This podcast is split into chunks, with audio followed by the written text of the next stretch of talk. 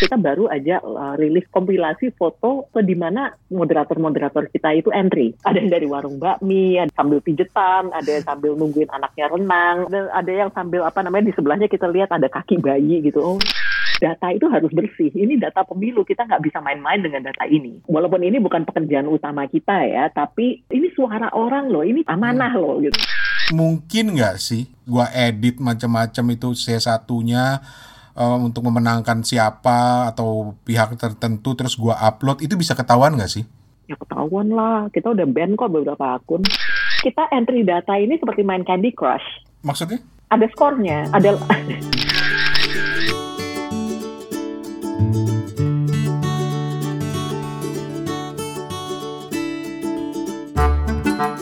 Oke, kita ketemu lagi di Suarane Podcast bareng gua Rane Hafid masih dari Bangkok, Thailand dan untuk episode kali ini gua akan kembali uh, ngajak lo untuk dengerin cerita dari teman-teman kawal pemilu. Jadi kalau lo sempat dengar tanggal 4 April lalu gue sempat wawancara dengan uh, Mas Ainun Najib di Singapura untuk ngobrolin tentang kawal pemilu waktu itu bareng dengan Randy Kemudian ya sampai sekarang kita tahu bahwa prosesnya jadi panjang apalagi setelah pemilu macam-macam cerita dan yang pastinya kita penasaran pengen tahu udah sampai di mana nih para relawan kawal pemilu itu untuk melakukan uh, real count.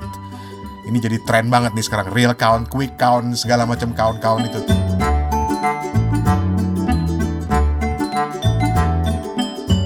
Sekarang yang gue mau ajak ngobrol adalah salah seorang penggagasnya karena di kawal pemilu itu ada banyak sekali timnya. Nah ini adalah salah satu penggagasnya yaitu uh, Elina Ciptadi di Singapura juga. Apa kabar Elina? Baik Rane. Udah begadang berapa malam? Aduh please don't mention. udah udah kurang tidur seminggu setengah. Tapi nah. kita ini sih, uh, kita berusaha untuk uh, tetap istirahat, um, ganti tugas, bagi-bagi tugas delegasi karena terutama setelah kita dengar uh, tentang ini ya tentang martir demokrasi pahlawan-pahlawan demokrasi yang juga iya. tumbang karena kesalahan um, kita juga nggak mau hal yang sama terjadi sama kita jadi kita bagi-bagi kita delegasi kita rekrut lebih banyak orang kalau memang uh, diperlukan. Gue tuh ngebayangin uh, kawal pemilu itu ada di satu tempat di ruangan semuanya ngumpul bareng-bareng depan komputer gitu tapi nggak gitu ya kalau kawal pemilu ya. Gue nggak bayangin soalnya kayak KPU, TKN, BPN kan punya tim penghitung sendiri. Kalau kawal pemilu ini kayaknya terpisah-pisah ya. Betul. Jadi memang dari 2014 itu sistem kita adalah virtual workstation. Siapa pun yang punya koneksi internet hmm. dan punya Facebook, bisa login Facebook, itu mereka bisa ikutan kawal pemilu. Eh, nggak uh, peduli dari mana, nggak peduli dari device apa. Jadi bisa dari mobile phone, bisa dari laptop, mau dari tablet juga bisa. Um, di kemarin kita baru aja uh, rilis ke media itu satu apa kumpulan kompilasi foto apa komputer atau atau di mana moderator-moderator kita itu entry. Ada yang dari warung bak, ada yang dari warung bakmi, ada yang dari apa namanya, ada yang dari sambil pijetan, ada yang sambil nungguin anaknya renang, ada yang itu kocak. Iya, dan ada yang sambil apa namanya di sebelahnya kita lihat ada kaki bayi gitu. Oh, ini anaknya tidur di sebelahnya gitu. Jadi cuma untuk nunjukin bahwa benar-benar uh, kawal pemilu ini adalah crowdsourcing ya, tidak seperti uh, karena banyak juga kan yang melakukan kerja yang sama dengan kawal pemilu ya bagus lah makin banyak yang mengawal. Cuma kan rata-rata mereka centralized di satu tempat gitu kan. Uh, ya, sementara ya. kawal pemilu tuh ada yang di ngelihat lagi viral tuh uh, foto-fotonya. Ada yang lagi di dapur ada yang lagi di itu dapur saya. Oh gitu. Ya yang dapur yang ada wajannya masih kotor gitu kan gitu. tapi di sebelahnya ada komputer gitu ya betul betul sambil masak gitu sambil nunggu airnya mendidih atau apa ya kita itu lumayan kita bisa digitize beberapa TPS itu satu TPS kan butuh nggak lebih dari satu menit. Oke okay. sebelum ke pertanyaan yang paling pasti banyak ditanyakan sama orang-orang yaitu tentang udah sejauh mana hasilnya gue malah pengen nahan dulu nih biar pada dengerin dulu tapi lebih lebih awal tuh pengen tahu uh, gue sempet agak deg-degan gitu loh setelah wawancara Mas Ainun terus kemudian gue coba ikutan untuk ngerekrut uh, teman-teman yang mau jadi relawan di kawal pemilu gitu kan ya nyari downline-nya kalau pakai istilahnya Mas Ainun terus terakhir-terakhir tuh gue dapet info 10 ribu relawan padahal targetnya kan semua TPS yang 800 ribu lebih gitu. So how does it work kalau memang ternyata jumlah relawannya nggak sampai 800 ribu lebih gitu? Um, jadi kita punya beberapa backup plan. Mm -hmm. Jadi menjelang hari H itu kita tahu bahwa kita nggak akan cover 800 ribu itu. Yep. Jadi kemudian message kita yang kita keluarin itu adalah satu orang itu bisa upload di lebih dari satu TPS. Oke. Okay. Kan biasanya lokasi TPS di dalam satu kelurahan itu berdekatan. Hmm. Jadi silahkan kalau misalnya di satu TPS ini selesai, kemudian pindah dua blok, di situ kan ada TPS lagi, pindah berapa blok lagi ada TPS lagi. Hmm. Atau kalau misalnya yang tinggalnya di apartemen, kalau apartemennya itu kompleksnya gede, itu bisa beberapa TPS itu sebelah sebelahan. Iya. Jadi ada ada itu ya. Jadi kita waktu itu udah keluarkan tips itu beberapa hari sebelum hari H. Hmm. Terus kita juga keluarkan, um, kita juga bantu sosialisasikan Undang-Undang Nomor 3 tahun 2019 di situ tuh ada ketentuannya bahwa sehari sesudah penghitungan suara di TPS itu selesai, itu salinannya itu mestinya dipajang di kantor kelurahan. Iya. Yeah. Jadi kalau nggak kekejar karena misalnya ngantuk uh, sampai malam besoknya ngantor atau sekolah apa namanya hitungannya belum selesai ya udah nggak apa-apa pulang aja dulu besoknya ke kantor kelurahan untuk lihat. Uh, hmm. dan itu malah nggak cuma satu TPS, tapi semua TPS yang ada di kelurahan itu semestinya dipajang di kantor lurah atau di balai desa. Oke. Okay. Dan ada relawan kita itu yang uh, datang ke kantor kelurahan gitu. Bahkan tadi pagi kita keluarin di fanpage kita itu ada satu orang yang dia itu mendatangi 11 kantor kelurahan. Waduh.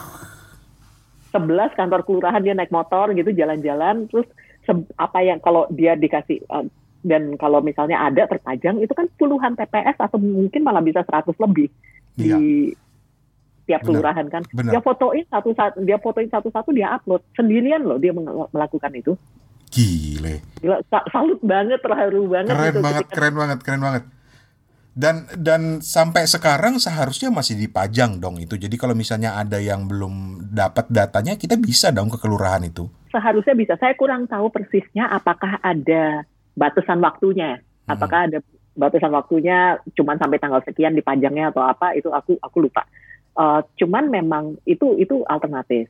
Nah, kemudian kalau misalnya itu pun kemudian belum memenuhi sampai yang 800 ribu sekian TPS itu, hmm. uh, backup plan-nya adalah kita download dari situngnya KPU. KPU kan mereka scan dari tiap TPS tuh. Hmm. Nah, itu kita di mana ada kekosongan, di situ kemudian kita mendownload. Ataupun yang sebenarnya nggak kosong, kita punya planonya, hmm. ada scan C1 eh, dari KPU itu juga membantu untuk membandingkan konsisten nggak angkanya. Oke, pertanyaan gue justru jadi begi, jadinya begini. Uh -uh. Di 2014 kawal pemilu itu kan memang mengambil semuanya dari data KPU kan. Betul. Uh, sekarang mengandalkan relawan yang motret untuk kemudian diupload ke kawal pemilu. Betul. Kenapa kemudian mem memanfaatkan relawan itu ketimbang misalnya mengambil aja dari datanya KPU? Kenapa nggak begitu? Atau ada pertimbangan lain? Ada pertimbangannya. Um, C1 Plano itu data pemilu yang paling otentik, yang paling dasar. Itu hmm. dihitungnya di depan publik. Itu yang yang ada garis-garis draminya itu loh. Hmm. Hmm. Yang form, form yang formnya segede flip chart itu kan. Itu hmm. kan dihitungnya di depan orang. Yang apa namanya? Itu salah gores satu aja publik protes. Yep. Protesnya bisa langsung di situ dan akan diselesaikan saat itu juga kan, hmm. nggak ke, nggak harus dibawa ke level-level rekap yang berikutnya. Jadi itu sebenarnya data pemilu yang paling sahih. Nah, kemudian itu disalin ke C1 yang kemudian dipegang oleh uh, apa namanya yang kemudian di scan ke ke situng KPU, kemudian hmm. ada yang di, di sal, salinannya itu untuk rekap yang manual yang berjenjang um, ada juga kalau nggak salah yang untuk saksi. Jadi itu salinannya macam-macam lah. Cuman terus kita berpikir bahwa dengan pemilu serentak ini salin-salinan dari plano dari plano ke salinan itu akan terjadinya itu larut malam. Yep. Dan dan benar kan kejadiannya larut malam. Nah itu tuh yang faktor ngantuk, faktor udah lelah. um, kemudian ya ya akhirnya it, itu menambah kemungkinan terjadinya human error ketika penyalinan kan gitu. Yeah. Dan uh, karena itu yang kita kejar itu adalah C1-nya plano karena di plano itu ada hitung turus, hitung jerami itu. Mm-hmm. Kemudian ada angkanya, kemudian ada hurufnya. Jadi misalnya turusnya 27. Kemudian harus ditulis jumlahnya dalam angka 0, 2, 7 kan. Dan kemudian di bawahnya itu harus ditulis dalam huruf 27. Mm-hmm. Nah, jadi kita bisa melihat konsistensi. Jadi jumlahnya sama nggak antara angka dengan huruf dengan turus. Oh. Nah, ketika ini udah disalin, kan turusnya udah nggak ada, tinggal angkanya doang, hmm. atau angka dengan huruf. Nah, dan itu sudah salinan. Salinan terjadi, penyalinan itu terjadi ketika orang-orang itu sudah pada pulang. Yep. Udah udah nggak disaksikan oleh publik sendiri kan. Hmm, hmm, uh. Jadi karena itu kita kita kejarnya data yang paling sahih, uh, yaitu itu C1 plano. C1 plano. Terakhir relawannya ada di angka berapa sih? Ketika hari H, hmm. itu angka relawan kita itu berada di sekitar 25 sampai 30 ribu orang. Wow. Uh, it, itu baik yang verified atau non verified. Uh, dan terus terang setelah itu pun sebenarnya jumlahnya masih naik terus sampai sekarang. Hmm. Jadi jumlah uh, usernya sekarang itu lebih banyak daripada ketika hari H. Karena um, ya itu ada yang baru sadar belakangan tentang kawal pemilu kemudian misalnya mereka ngejar ke C, uh, C1-nya itu ke kelurahan. Um, atau mungkin ada yang dikerahkan oleh ya caleg atau hmm, oleh apa namanya oleh organisasi-organisasi yang akar rumput gitu. Eh kalau masih ada yang di hand, ketinggalan di handphone atau di komputer atau apa gitu upload dong ke kawal pemilu daripada cuma di uh, panjang-panjang di medsosnya masing-masing gitu. Hmm, hmm. Ada juga yang bantu kita nyisir uh, C1 yang bertebaran di sosial media itu kemudian mengupload ke uh, platformnya kita. Jadi uh, saat ini uh, jumlah relawannya itu lebih banyak daripada hari H. Lucu ya. Interesting. Dan ini mundur sedikit buat teman-teman yang mungkin masih bingung, kelewatan juga sih kalau masih bingung sekarang gitu ya. Ngapain sih di awal pemilu, bedanya dengan quick count apa? Lo bisa dengar lagi di uh, obrolan kita dengan uh, Mas Ainun Najib. Tapi intinya tolong koreksi ya Elina ya kalau salah ya bahwa kawal pemilu itu sebenarnya melakukan hal yang sama dengan yang dilakukan oleh KPU untuk meng, apa ya meng, mengumpulkan data-data dari formulir C1 dari semua TPS di seluruh Indonesia yang nanti akan menjadi data pembanding hasil dari KPU terutama kalau sampai ada sengketa, ada masalah gitu kan ya.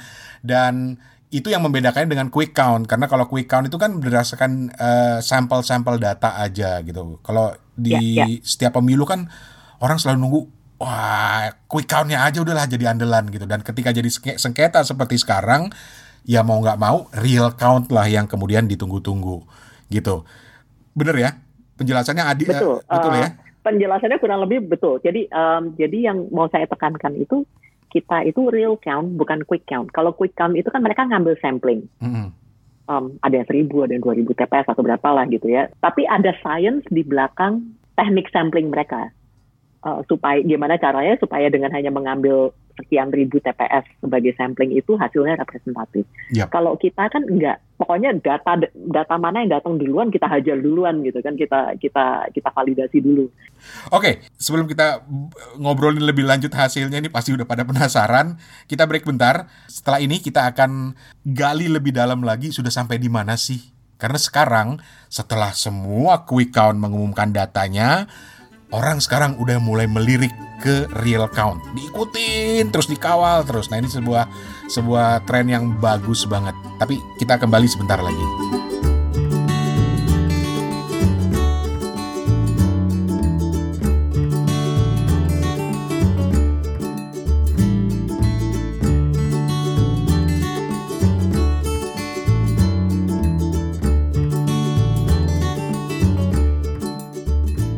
Kita kembali di Suarane Podcast dan lagi ngobrol dengan Elina Ciptadi, salah seorang penggagas dari kawalpemilu.org yang intinya ingin memastikan bahwa pemilu itu berjalan atau hasil pemilu itu dapat diperoleh datanya dengan akurat dan menjadi data pembanding dari Komisi Pemilihan Umum. Uh, selengkapnya lu bisa dengerin wawancara gue dan Randy dengan Mas Ainun Najib di tanggal 4 bisa lihat di suarane.org. Tapi sekarang semua orang penasaran, pengen tahu apa hasilnya. lari ke KPU, kemudian lari ke kawal pemilu, kemudian juga masing-masing kubu juga ternyata juga punya kawal pemilu versi mereka gitu. Elina kalau menurut lo tuh ketika akhirnya sekarang banyak kawal pemilu kawal pemilu dalam tanda kutip yang lain tuh gimana menurut lo? Sebenarnya ini fenomena yang menarik dan perlu didukung. Hmm. Jadi uh, apa bahwa tidak bahwa ada pihak-pihak lain yang mau melakukan hal yang uh, mirip dengan kawal pemilu tapi dengan uh, sistem atau platform yang sedikit berbeda itu itu ya kita sih senang aja gitu. Jadi hmm. bandingan datanya kita juga jadi lebih banyak uh, bandingan datanya publik lebih banyak dan ya tinggal cocok-cocokan aja datanya kan. Yep. Semakin banyak pihak yang memverifikasi, kalau hasilnya itu semuanya sama, itu validasi atau legitimasi data itu jadi lebih tinggi kan. Tapi lu ngelihat kemungkinan justru hasilnya akan jomplang lagi nggak sih? Maksudnya antara satu pihak dengan pihak yang lain antara para pengawal pemilu para pengawal pemilu ini baik dari dari kubu 0102 atau mungkin ada pihak lain yang melakukan hal yang sama termasuk juga dengan kawal pemilu dan KPU kira-kira diperkirakan akan terjadi jomplang lagi nggak sih angkanya? Ya kalau kalau kita sekarang kembali ke prinsip keterbukaannya aja. Mm -hmm. Jadi kalau mengaku datanya sahih, mm -hmm. kalau mengaku datanya valid, ya buka aja datanya ke publik untuk diverifikasi Nah, kalau prinsip kami di kawal pemilu adalah semuanya terbuka. Orang bisa lihat sampai foto mana yang kita validasi. Dan kemudian ketika ada lebih dari satu foto yang divalidasi, jadi misalnya ada C1 yang plano, kemudian ada C1 yang scannya terus uh, versi KPU di TPS yang sama. Itu dua-duanya kita validasi justru supaya apa? Uh, orang bisa melihat angkanya sama nggak dari C1 plano sampai kemudian itu jadi salinan yang di-scan kalau misalnya ada perbedaan, sistem kami mendeteksi secara otomatis itu mendeteksi perbedaan angkanya untuk kemudian nanti kita laporkan ke KPU. Uh, tapi semua proses ini itu bisa dilihat oleh publik dan publik juga bisa melapor kalau ada yang salah. Yep. Kalau mereka melihat kan uh, sistem kita juga nggak bebas dari human error ya. Hmm. Jadi hmm. mungkin ada orang yang upload foto mungkin karena pertama kali pakai sistem di hari H mereka belum latihan mereka gaptek gitu misalnya yep. ya. Jadi yang mestinya itu masuknya ke TPS 13 dimasukinnya ke TPS sebelah hmm. atau atau bisa bisa jadi juga ada kelurahan atau kecamatan yang namanya sama tapi di provinsi yang berbeda itu itu ada juga terjadi. Nah yang seperti itu itu kan human error. Kita kadang-kadang kelihatannya udah zero gitu ya udah 8.000 yeah. TPS gitu. jadi kita nggak kadang-kadang kita miss juga satu dua gitu ya seperti itu. Nah kemudian hmm. publik lapor, eh ini C1-nya salah, pastinya di kelurahan yang situ. Nah, dengan cara itu kemudian kita bisa membetulkan. Nah, proses verifikasi bersama inilah yang uh, kemudian menjadikan validasi datanya itu, uh, legitimasi data itu tinggi. Oke. Okay. Karena orang tahu dari mana asal usulnya, um, kalau ada salah hitung mereka bisa memperbaiki, dan kemudian mereka juga bisa melihat hasil perbaikannya itu di uh, platform yang sama. Jadi itu menjadikan uh, legitimasinya datanya tinggi. Jadi ya hmm. siapa pun yang mau bikin-bikin beginian ya kita, uh, bagi kita ya tinggal masalah keterbukaannya aja. Betul. Jadi kata kuncinya adalah keterbukaan. Jadi di kawal pemilu eh, nggak uh, tahu lah ya kita nggak mau ngomongin yang lain ya dari kubu 0102 atau mungkin ada yang lain. Tetapi yang membedakan dari kawal pemilu seperti Elina bilang tadi itu datanya ada semua dan bisa diakses. Uh, buat lo yang lagi dengerin ini, biar seru nih, biar menarik, kalau lo lagi dengerin podcast ini dan di handphone juga bisa diakses kan ya? Bisa. Lo ke kawalpemilu.org sekarang juga lo yang lo yang lagi dengerin dan kita akan coba menelusuri ini sebelum nanti kita lihat update-nya berapa angkanya ya. Jadi kita coba ke kawalpemilu.org, uh, teman-teman yang bisa akses di handphone juga bisa. Itu kan di situ ada banyak kolom ya, ada nama wilayah, kemudian uh, Jokowi Amin, Prabowo Sandi, suara sah, tidak sah, dan seterusnya kolom-kolomnya. Terus ada uh, kolom merah, terus juga ada kolom yang hijau. Elina jelasin dong, take us through this data gitu gimana gua cara gua ngebacanya. Oke. Okay. Jadi aku kasih lihat satu contoh di mana yang tadi aku ngomong soal keterbukaan itu ya. Hmm, hmm. Uh, itu coba kalau misalnya kita semua ke kawalpemilu.org, yep. kemudian kita klik DKI Jakarta. Di DKI, DKI Jakarta, Jakarta itu kan di bawah kolom surat suara sah itu ada merah-merah. Yes. Merah-merah itu berarti ada TPS yang uh, either salah data atau fotonya salah upload. Pokoknya ada kesalahan yang sudah dilaporkan. Oke. Okay. Jadi kita klik DKI Jakarta dan katakanlah kita pergi ke Jakarta Pusat. Jakarta Pusat, oke. Okay. Mm -mm. Kemudian kita klik lagi sawah besar. Sawah besar tuh nomor dua ya. Mm -mm. Kemudian kita ke Mangga Dua Selatan. Mangga Dua Selatan. Mm-mm. Kemudian kita scroll down sampai ke TPS 58. 58. Oke. Nah, di situ ada highlight kuning dan ada highlight uh, merah. Nah, ini maksudnya gimana nih? Highlight kuning itu adalah highlight otomatis dari sistem kita hmm. ketika peng, jumlah pengguna hak pilih itu tidak sama dengan surat suara sah plus surat surat suara tidak sah. Oke. Okay. Jadi kalau dilihat di situ suara sahnya 198, hmm.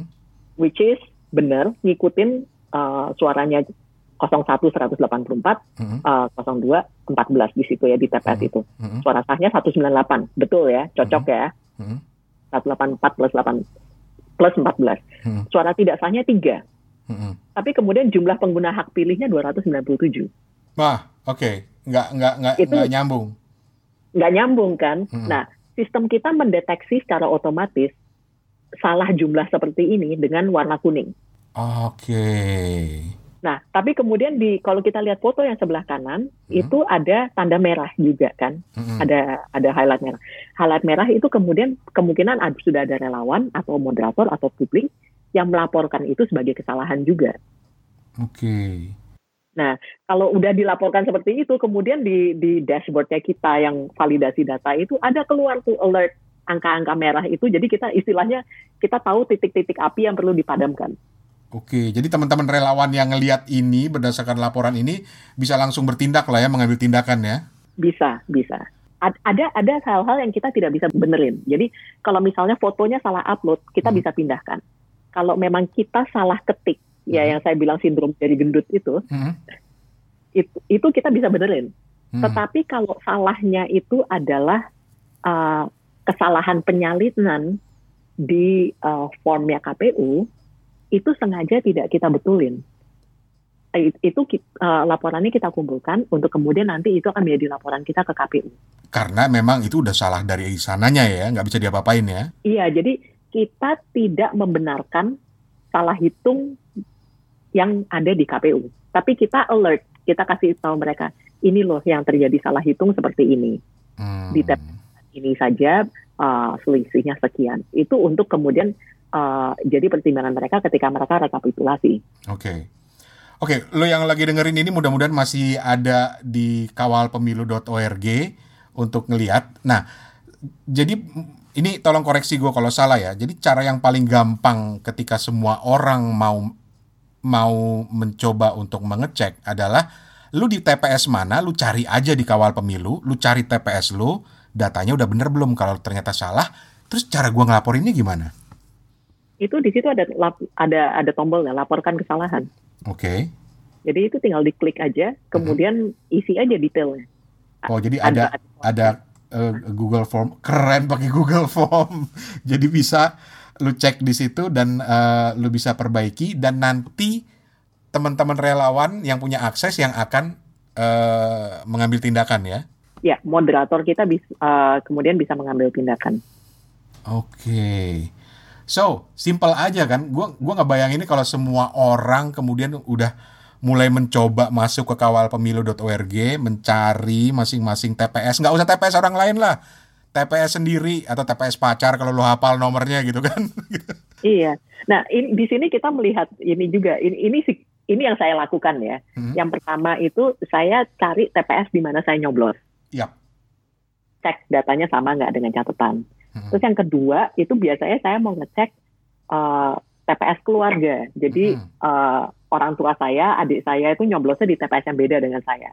Ya, penasaran kan ngecek. Dan kemudian satu lagi yang saya cek itu adalah uh, eh, TPS di mana keluarga besar saya, jadi maksudnya kampung halaman saya yeah. lah. Gitu. Jadi kalau hmm. kalau saya tuh di Semarang gitu ya, hmm. saya pengen tahu juga itu suaranya Semarang kayak apa gitu. Semarangnya di di kecamatan ini, di kelurahan ini saya cek juga. Gitu. Keren, keren. So, mm -mm. kalau setiap di antara kita melakukan itu, insya Allah ini hasilnya akan lebih cepat. Tapi sekarang ke pertanyaannya langsung. Da, sekali lagi disclaimer, ini eh, kita ngobrol jam 10 eh, hari Sabtu 27 April. Itu sudah sampai berapa persen dan hasilnya kayak apa? Orang yang dengerin kan selalu pengen tahu. Gue cuma pengen tahu hasilnya aja lah. Iya, iya. sampai saat ini jam 10 malam tanggal 27 April itu kita sudah berhasil menghitung lebih dari 52 juta suara. 52 juta suara sah plus tidak sah. Sorry, 52 juta out of berapa eh, dari berapa dari berapa kira-kira? Jumlah pemilih totalnya itu 192 juta. Wow, oke. Okay. Jadi kita sudah ya di level 20 persen ke atas, dia mm -hmm. 20 persen atas lah ya, hampir hampir 30. Mm -hmm.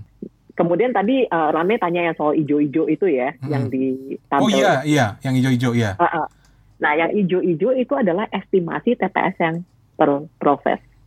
Jadi um, di kalau misalnya grafik hijaunya itu penuh, hmm. full, itu berarti seluruh TPS yang ada di daftar KPU, KPU itu sudah kita libas, kita hitung semua.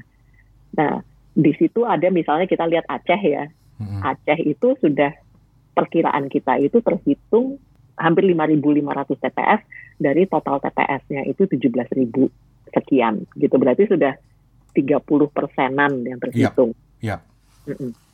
Jadi dari situ kita ngelihat progresnya. Um, ada beberapa provinsi yang uh, prof, uh, apa namanya estimasi uh, istilahnya jumlah TPS yang sudah terproses di tempat kita itu rendah. Uh, Papua misalnya atau Papua Barat itu karena memang uh, datanya yang dari sana itu kita nggak dapat banyak dan kemudian C1 scan yang da yang dari KPU-nya itu juga kita masih uh, belum dapat banyak. Oke. Okay. Uh, jadi kalau di mana kita ngelihat ijo-ijonya kok sedih banget, kok tipis banget gitu. Iya benar benar. Itu biasanya masalah masalah data awalnya pun kita belum dapat. Oke. Okay. Walaupun sebenarnya C1 pertama yang terupload ke sistemnya kawal pemilu di hari H itu dari Papua Barat. Dari Papua, iya, ngikutin tuh. Kayaknya seneng banget begitu denger itu. Iya, dan berarti smartphone sudah masuk ke sana, ya. internet sudah masuk ke sana. Oke. Okay. Gitu. Walaupun mungkin pemerataannya kita nggak tahu ya, tapi at least kita ngelihat uploadan dari situ kan berarti, oh berarti ada internet di situ.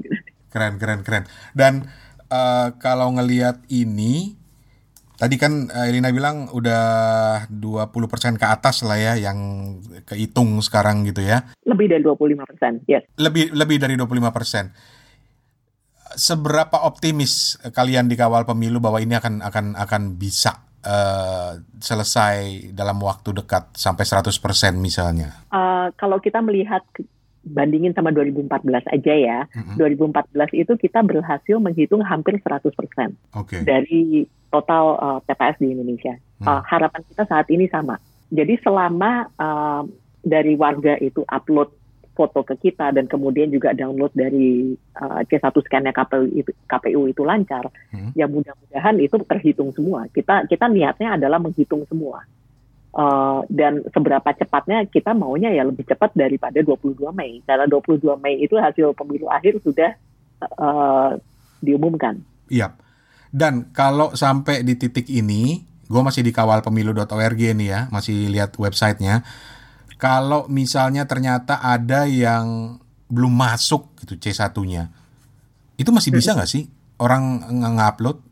Kalau memang mereka pada hari hanya itu ngambil foto, hmm. atau kalau mas, uh, C1-nya itu masih dipajang di kelurahan, silahkan datang ke kelurahan, fotoin itu satu-satu tiap TPS, hmm. uh, kemudian upload di bagian-bagian di mana kita masih belum ada fotonya. Kan TPS mana yang masih bolong-bolong itu juga kelihatan dari situsnya yeah. kawalpemilu.org. Yeah. Jadi dari situ kita oh ya sini sebelum pergi dicatetin dulu aja di kelurahan ini yang belum ada adalah TPS A B C D E F G H I J gitu supaya kita nggak perlu semuanya kita fotoin. Oke. Okay. Jadi misalnya oke okay, TPS 1 2 3 belum ada gue fotoin. TPS 4 5 6 7 udah ada gue nggak foto lagi. Gue mulai lanjut lagi misalnya dari TPS 10 gitu. Oke. Okay. Silahkan gue mundur dikit. Jadi kalau misalnya nih gue menemu eh, katakanlah setiap orang tadi gue bilang gitu kan simpelnya gini setiap orang lu ngecek TPS masing-masing karena apa? Ngapain lu udah susah payah nyoblos tapi datanya nggak masuk itu sayang amat gitu kan. Nah ketika lu menemukan itu bolong itu gue ke mana ya nyari C satunya? Satu kelurahan bisa ya? Atau ada tempat lain? Ya saat ini opsinya hanya kelurahan. Kelurahan ya Uh, uh, yang yang dipampang untuk dilihat dan difoto oleh publik itu uh, memang ya opsinya cuma kelurahan doang. Uh, yang sementara yang lainnya itu kan sekarang sudah masuk di rekap tingkat kecamatan. Hmm. Gitu. Kecuali kalau memang hari H waktu itu motret, tapi kemudian itu masih tersimpan di HP, nggak di ke mana-manain, ya itu hmm. silahkan upload. Uh, Atau mungkin ada temen gitu. yang mungkin bareng-bareng ke TPS waktu itu terus motret, boleh dong kita minta gitu ya, terus diupload ya? Boleh, boleh. Uh, uh. Jadi uh, tinggal itu. Sementara kalau dari situngnya KPU sendiri, itu kita sudah dapat downloadannya gitu. Jadi nggak perlu kemudian orang yang niat banget gitu pergi ke situng KPU kemudian mendownload manual satu-satu foto yang dari situ kemudian memindahkan upload ke situng uh, ke ke situsnya kawal pemilu itu kurang kerjaan kalau itu. Karena udah ada yang ngerjain itu. Jadi yuk iya, fokus itu, ke kita udah download otomatis. Iya. Benar. Jadi yuk ayo teman-teman kita fokus ke TPS lo pastikan bahwa semua data dari TPS lo itu udah terupload sayang amat gitu lo udah susah payah nyoblos. Tapi nggak ada nggak ada datanya sayang banget. Mungkin di kelurahan tempat lo masih ada gitu ya. Uh, oke okay. selanjutnya bagian terakhir nih. Ini bagian yang seru nih gue pengen tahu cerita di balik uh, teman-teman kawal pemilu dan pekerjaannya. Uh, karena mereka ini kan relawan ya. Bid latar belakangnya beda-beda uh, ada yang upload dari dapur rumahnya, dari nganter anaknya sekolah atau dari kantor lagi break makan siang misalnya, terus ngecek itu itu itu kita akan coba gali lebih lanjut. Tapi kita break dulu sebentar sambil narik napas dulu.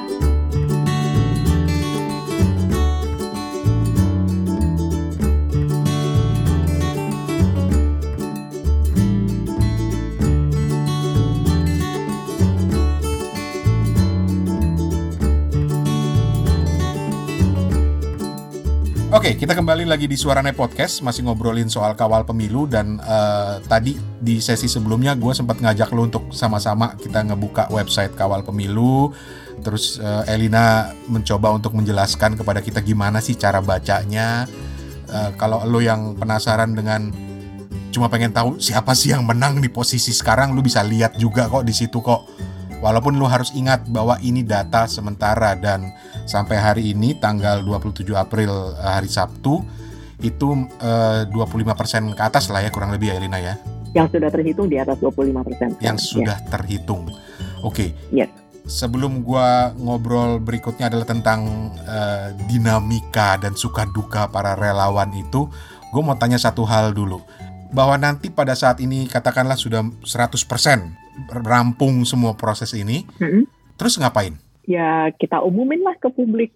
Kemudian silahkan rame-rame um, cek datanya, bandingkan hmm. dengan uh, hasil akhir hasil officialnya KPU, uh, bandingkan dengan hasil situs, uh, dengan hasil situng situngnya KPU, dan data itu akan kita biarkan live uh, karena itu data yang berharga yang yang bisa kemudian digunakan oleh misalnya para akademisi, mahasiswa. Ya, tapi yang lebih penting lagi adalah kemudian kita kembali kepada fungsinya itu sebagai data pembanding. Nanti melihat uh, apa yang sudah dilakukan oleh KPU, kemudian ada data pembandingnya di kawal pemilu, bahkan setiap kubu katanya juga punya kawal pemilu dalam tanda kutipnya masing-masing gitu ya. Jadi uh, mengutip katanya Mas Ainun lebih terang, lebih jelas. Mas Ainun kan pakai kalau ekspresinya itu gitu dia harus terang gitu. Iya. nah, ini ini yang seru-seru nih sekarang mau ngajak ngobrol nih uh, sama Elina yang juga pasti tahu banget lah suka duka teman-teman relawan kawal pemilu. Tapi yang paling gue pengen dan kepo banget pengen tahu langsung dari lo adalah emang bener ya sempat dibom dengan formulir C1 palsu? Itu yes and no. Uh, jadi kan moderator ini sambil kita uh, apa namanya validasi foto, mm -hmm Uh, jadi kan kita uh, kita kan sambil chatting juga gitu. Jadi uh, kan kita sambil nanya-nanya aja, eh kalau kasusnya begini nih, angkanya agak kurang jelas. Ini menurut lu nih angka 4 atau angka 9 gitu. Terus hmm, ada teman-teman bilang, itu mas 9, 9 gitu. Hmm. Um, jadi itu again peer review. Nah, pada saat yang kurang lebih bersamaan, itu ketika itu tuh kita melihat ada uh, banyak C1 yang ya banyaknya sebenarnya ini relatif ya. ya. Waktu kita melihat itu karena kita melihat laporan itu berdatangan pada saat yang kurang lebih bersamaan. Mm-hmm. Itu ada yang foto bukan C1 ter, uh, itu banyak diupload. Jadi bukan pemandangan di TPS, bukan C1 tapi ya foto ya sembarangan. Uh, yang lain-lain lah, foto sembarangan lah gitu ya. Jangan-jangan selfie uh, juga diupload. Um, oh sampai ada foto kawinan segala juga ke Serius? iya. Um, kemudian ada juga yang kemudian ada foto yang sama itu terupload di banyak TPS. Hmm. Gitu. Nah itu kalau misalnya moderatornya itu nggak jeli ngelihatnya, itu kan mereka pokoknya ngelihat ada angka ya mereka mereka masukin aja kan, nggak menyadari bahwa itu sebenarnya bukan foto untuk TPS itu. Hmm. Jadi kita melihat itu. Jadi uh, laporan ini uh, bersamaan masuknya. Jadi akhirnya ketika ada banyak laporan seperti ini itu masuk, um, insting kita yang pertama adalah oke okay, oke okay, oke okay, oke stop dulu. Kita mau lihat um, dari laporan-laporan ini ini seberapa luasnya. Bagi kita itu kesahih, uh, maksudnya data itu harus bersih. Ini data pemilu kita nggak bisa main-main dengan data ini. Yes. Uh, walaupun ini bukan pekerjaan utama kita ya, tapi tetap aja ini data pemilu, ini suara orang loh, ini titipannya orang loh, amanah hmm. loh gitu. Hmm. Jadi kita kita review ke belakangnya dulu deh gitu. Bersih maksudnya? Maksudnya uh, belum ada yang apa namanya C1 yang bisa terupload di TPS TPS yang salah okay. ini tergantung di approve gitu misalnya okay. ya. Okay. Dan, um, jadi itu kita cek dulu. Kemudian kita lihat apa namanya akun-akun um, Facebook yang mengupload banyak sekali foto. Kita lihat apa namanya ini foto-foto yang mereka upload ini foto yang sama semua atau memang satu foto satu CPS, hmm. satu foto satu CPS gitu ya. Um, dan proses review ini, review ini memang makan waktu beberapa hari lah. Saya ingat itu waktu itu weekend nggak tidur deh pokoknya untuk untuk ngecekin yang begituan gitu. Dan ternyata memang setelah itu kita tahu bahwa skalanya skalanya itu tidak besar. Data kita aman. Hmm. Uh, uh, kemudian sistemnya itu juga aman dan kemudian setelah kalau nggak salah itu setelah satu setengah hari atau dua hari kita bilang sip lanjut lagi gitu. Hmm. Oke. Okay. Nah, mungkin nggak sih kalau misalnya nih gue iseng terserah apa pun itu kepentingannya, gue upload, gue enhance, gue edit macam-macam itu c satunya um, untuk memenangkan siapa atau pihak tertentu terus gua upload itu bisa ketahuan nggak sih? Ya ketahuan lah, kita udah ban kok beberapa akun. Ketahuannya gimana? ya, nah ini uh, moderator orang-orang yang memvalidasi foto-foto ini, hmm. ini orang yang sudah ngelihat ratusan atau bahkan ribuan puluhan ribu C1. Yap. Jadi ada aneh sedikit pun itu mereka tahu dan dan orang-orang ini tidak bekerja sendirian, mereka bekerja dalam tim-tim. Hmm. Dan kemudian kalau ada yang uh, mereka ragu-ragu, itu mereka lempar ke tim, kemudian timnya itu review rame-rame. Ya, jadi ini walaupun kita nih ngerjain ini sambil bikin indomie, kemudian sambil hmm. apa namanya jagain anak les atau apa gitu, tapi kita ngerjain ini serius loh gitu, sambil nongkrong atau sambil nonton Netflix, tapi kita ngerjain ini tuh serius gitu, di mana kita ada keraguan, kita tanya, kita nggak main ah udah biarin lewatin aja dulu. Atau ah biarin ah gue approve aja. Paling ntar juga nggak ada yang tahu. Selalu ada yang tahu gitu karena publik juga ngeliat gitu publik juga ngawasin kita gitu. Jadi um, dan setelah kita ngelihat sekian ratus TPS atau sekian puluh TPS, uh, sorry setelah kita ngelihat data di sekian puluh atau sekian ratus TPS kita tahu um, apa namanya C1 yang uh, yang legitimate itu yang seperti apa gitu. Hmm termasuk misalnya tanda hologramnya seperti apa, kemudian kayak goresan penanya itu seperti apa gitu.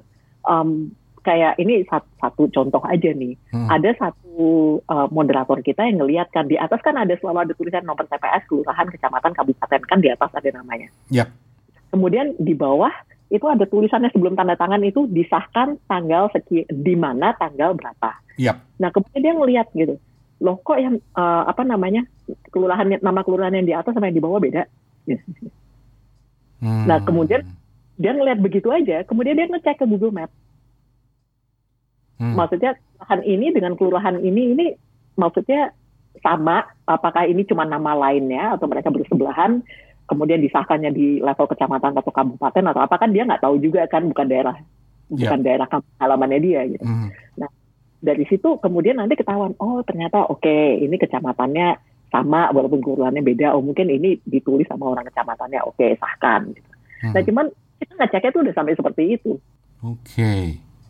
uh, Tapi... jadi Um, jadi saya pun uh, saya dan teman-teman ini kita punya um, kepercayaan yang tinggi lah sama teman-teman karena adanya proses ini, proses proses dan sistem kita itu dibuat supaya semua orang itu bisa bekerja dari lokasinya masing-masing, mm-hmm. nggak perlu pembagian shift jadwal kerja atau apa, uh, tapi hasilnya itu tetap uh, reliable karena sistem peer review seperti ini.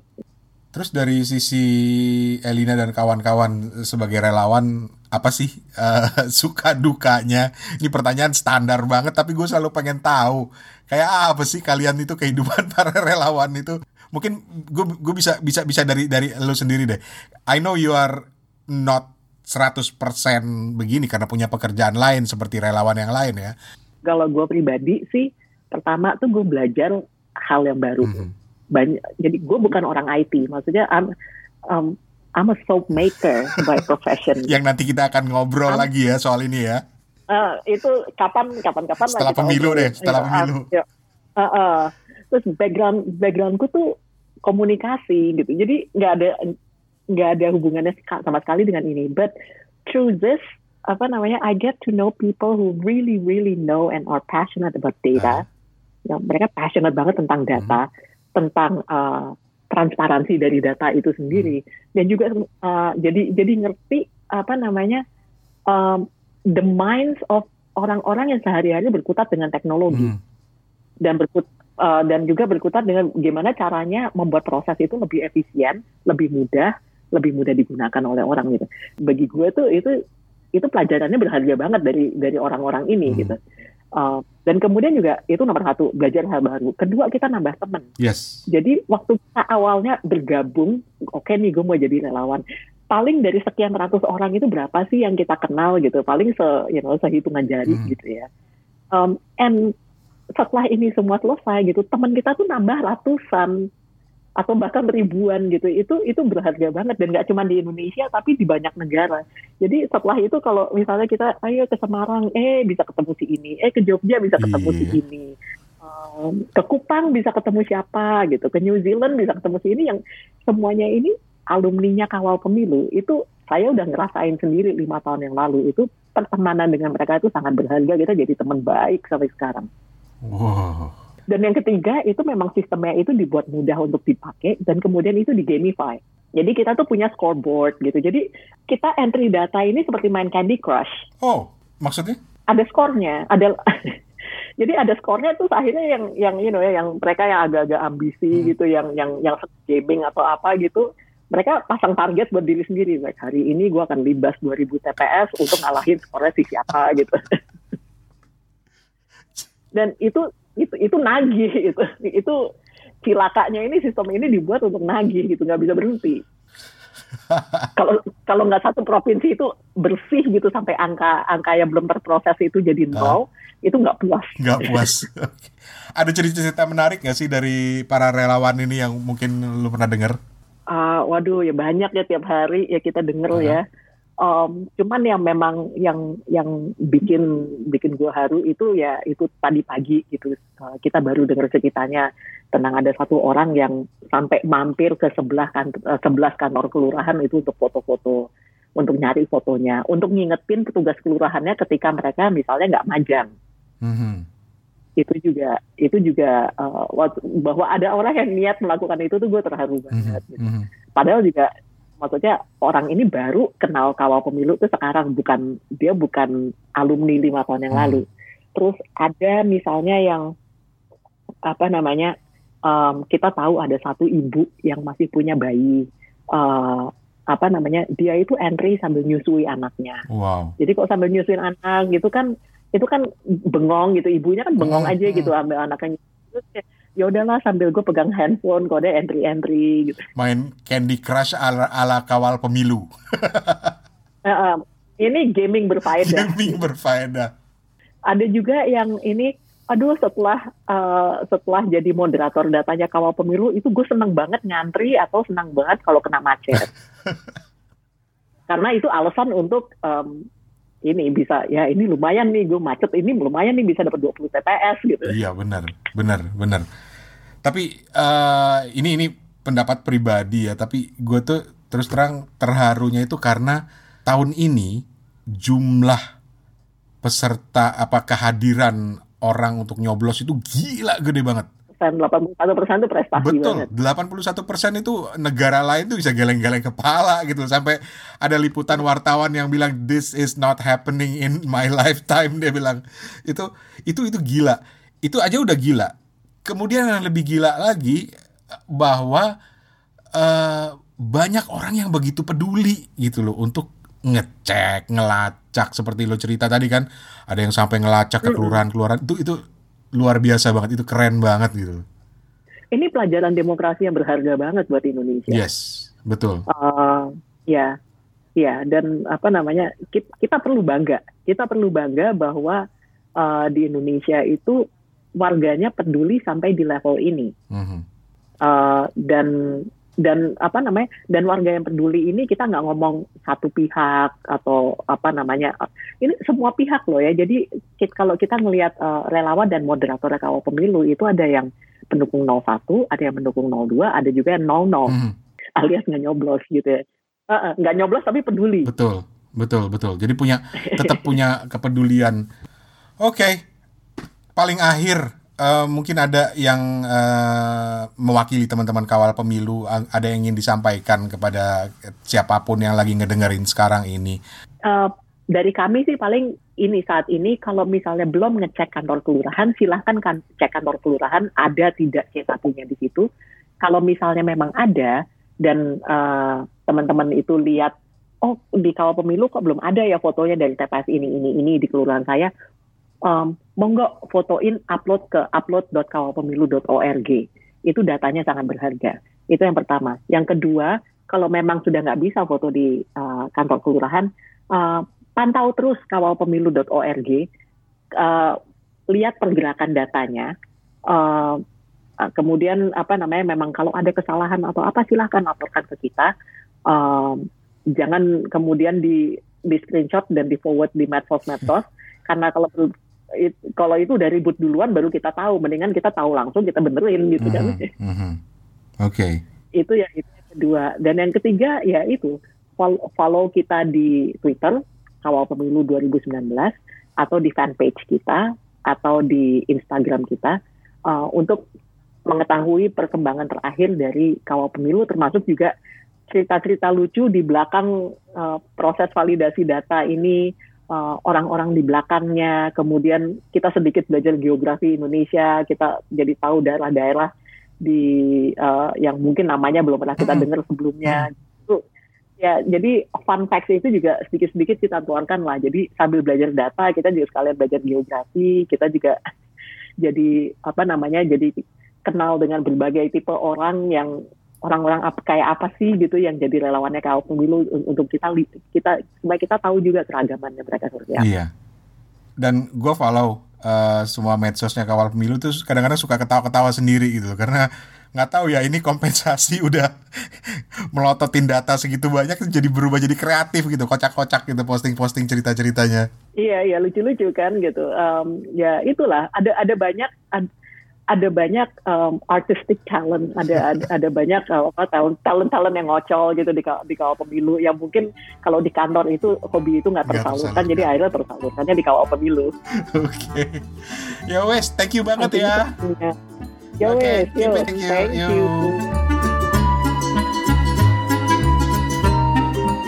Oke, kawan-kawan itu tadi obrolan dengan Elina Ciptadi, salah seorang penggagas dari kawalpemilu.org.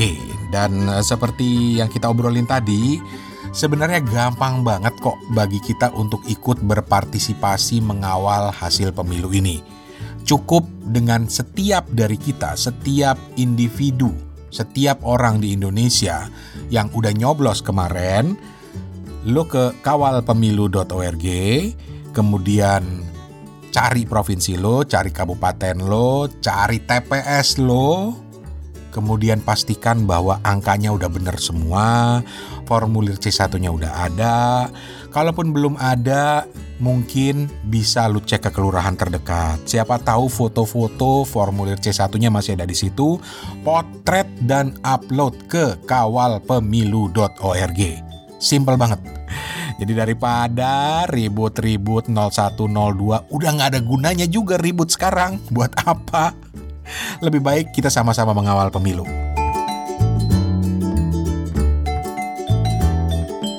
Dan sebelum gua pamit, ada pengumuman penting dari Suarane Podcast dan juga mewakili teman-teman dari podcast Kepo Buku bahwa ini adalah podcast yang terakhir sebelum kami break sebentar di bulan Ramadan selama satu bulan dan nanti akan kembali setelah Lebaran.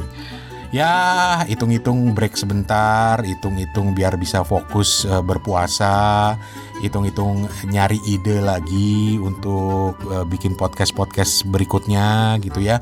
Dan kalaupun lo belum pernah dengerin podcast-podcast lainnya, cari aja di suarane.org, lihat episode-episode sebelumnya siapa tahu ada yang kelewatan, bisa didengerin juga. Dan sudah barang tentu, uh, sebelum pamit, gua Rane Hafid ingin mengucapkan selamat menjalankan ibadah bulan suci Ramadan bagi teman-teman umat muslim di mana pun berada yang sering mendengarkan suaranya podcast. Mohon maaf lahir dan batin, mudah-mudahan kita bisa memulai ibadah ini dengan baik dan mengakhirinya dengan baik.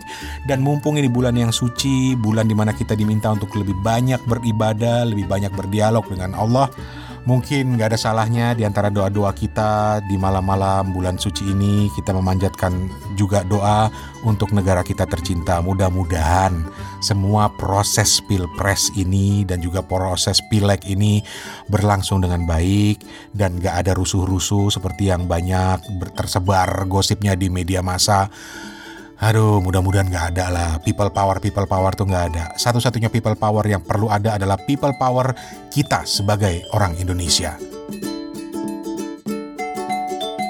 Dari Bangkok, Thailand, gue Rani Hafid pamit. Assalamualaikum, selamat berpuasa, kapun kap, sampai ketemu lagi setelah lebaran nanti. Permisi.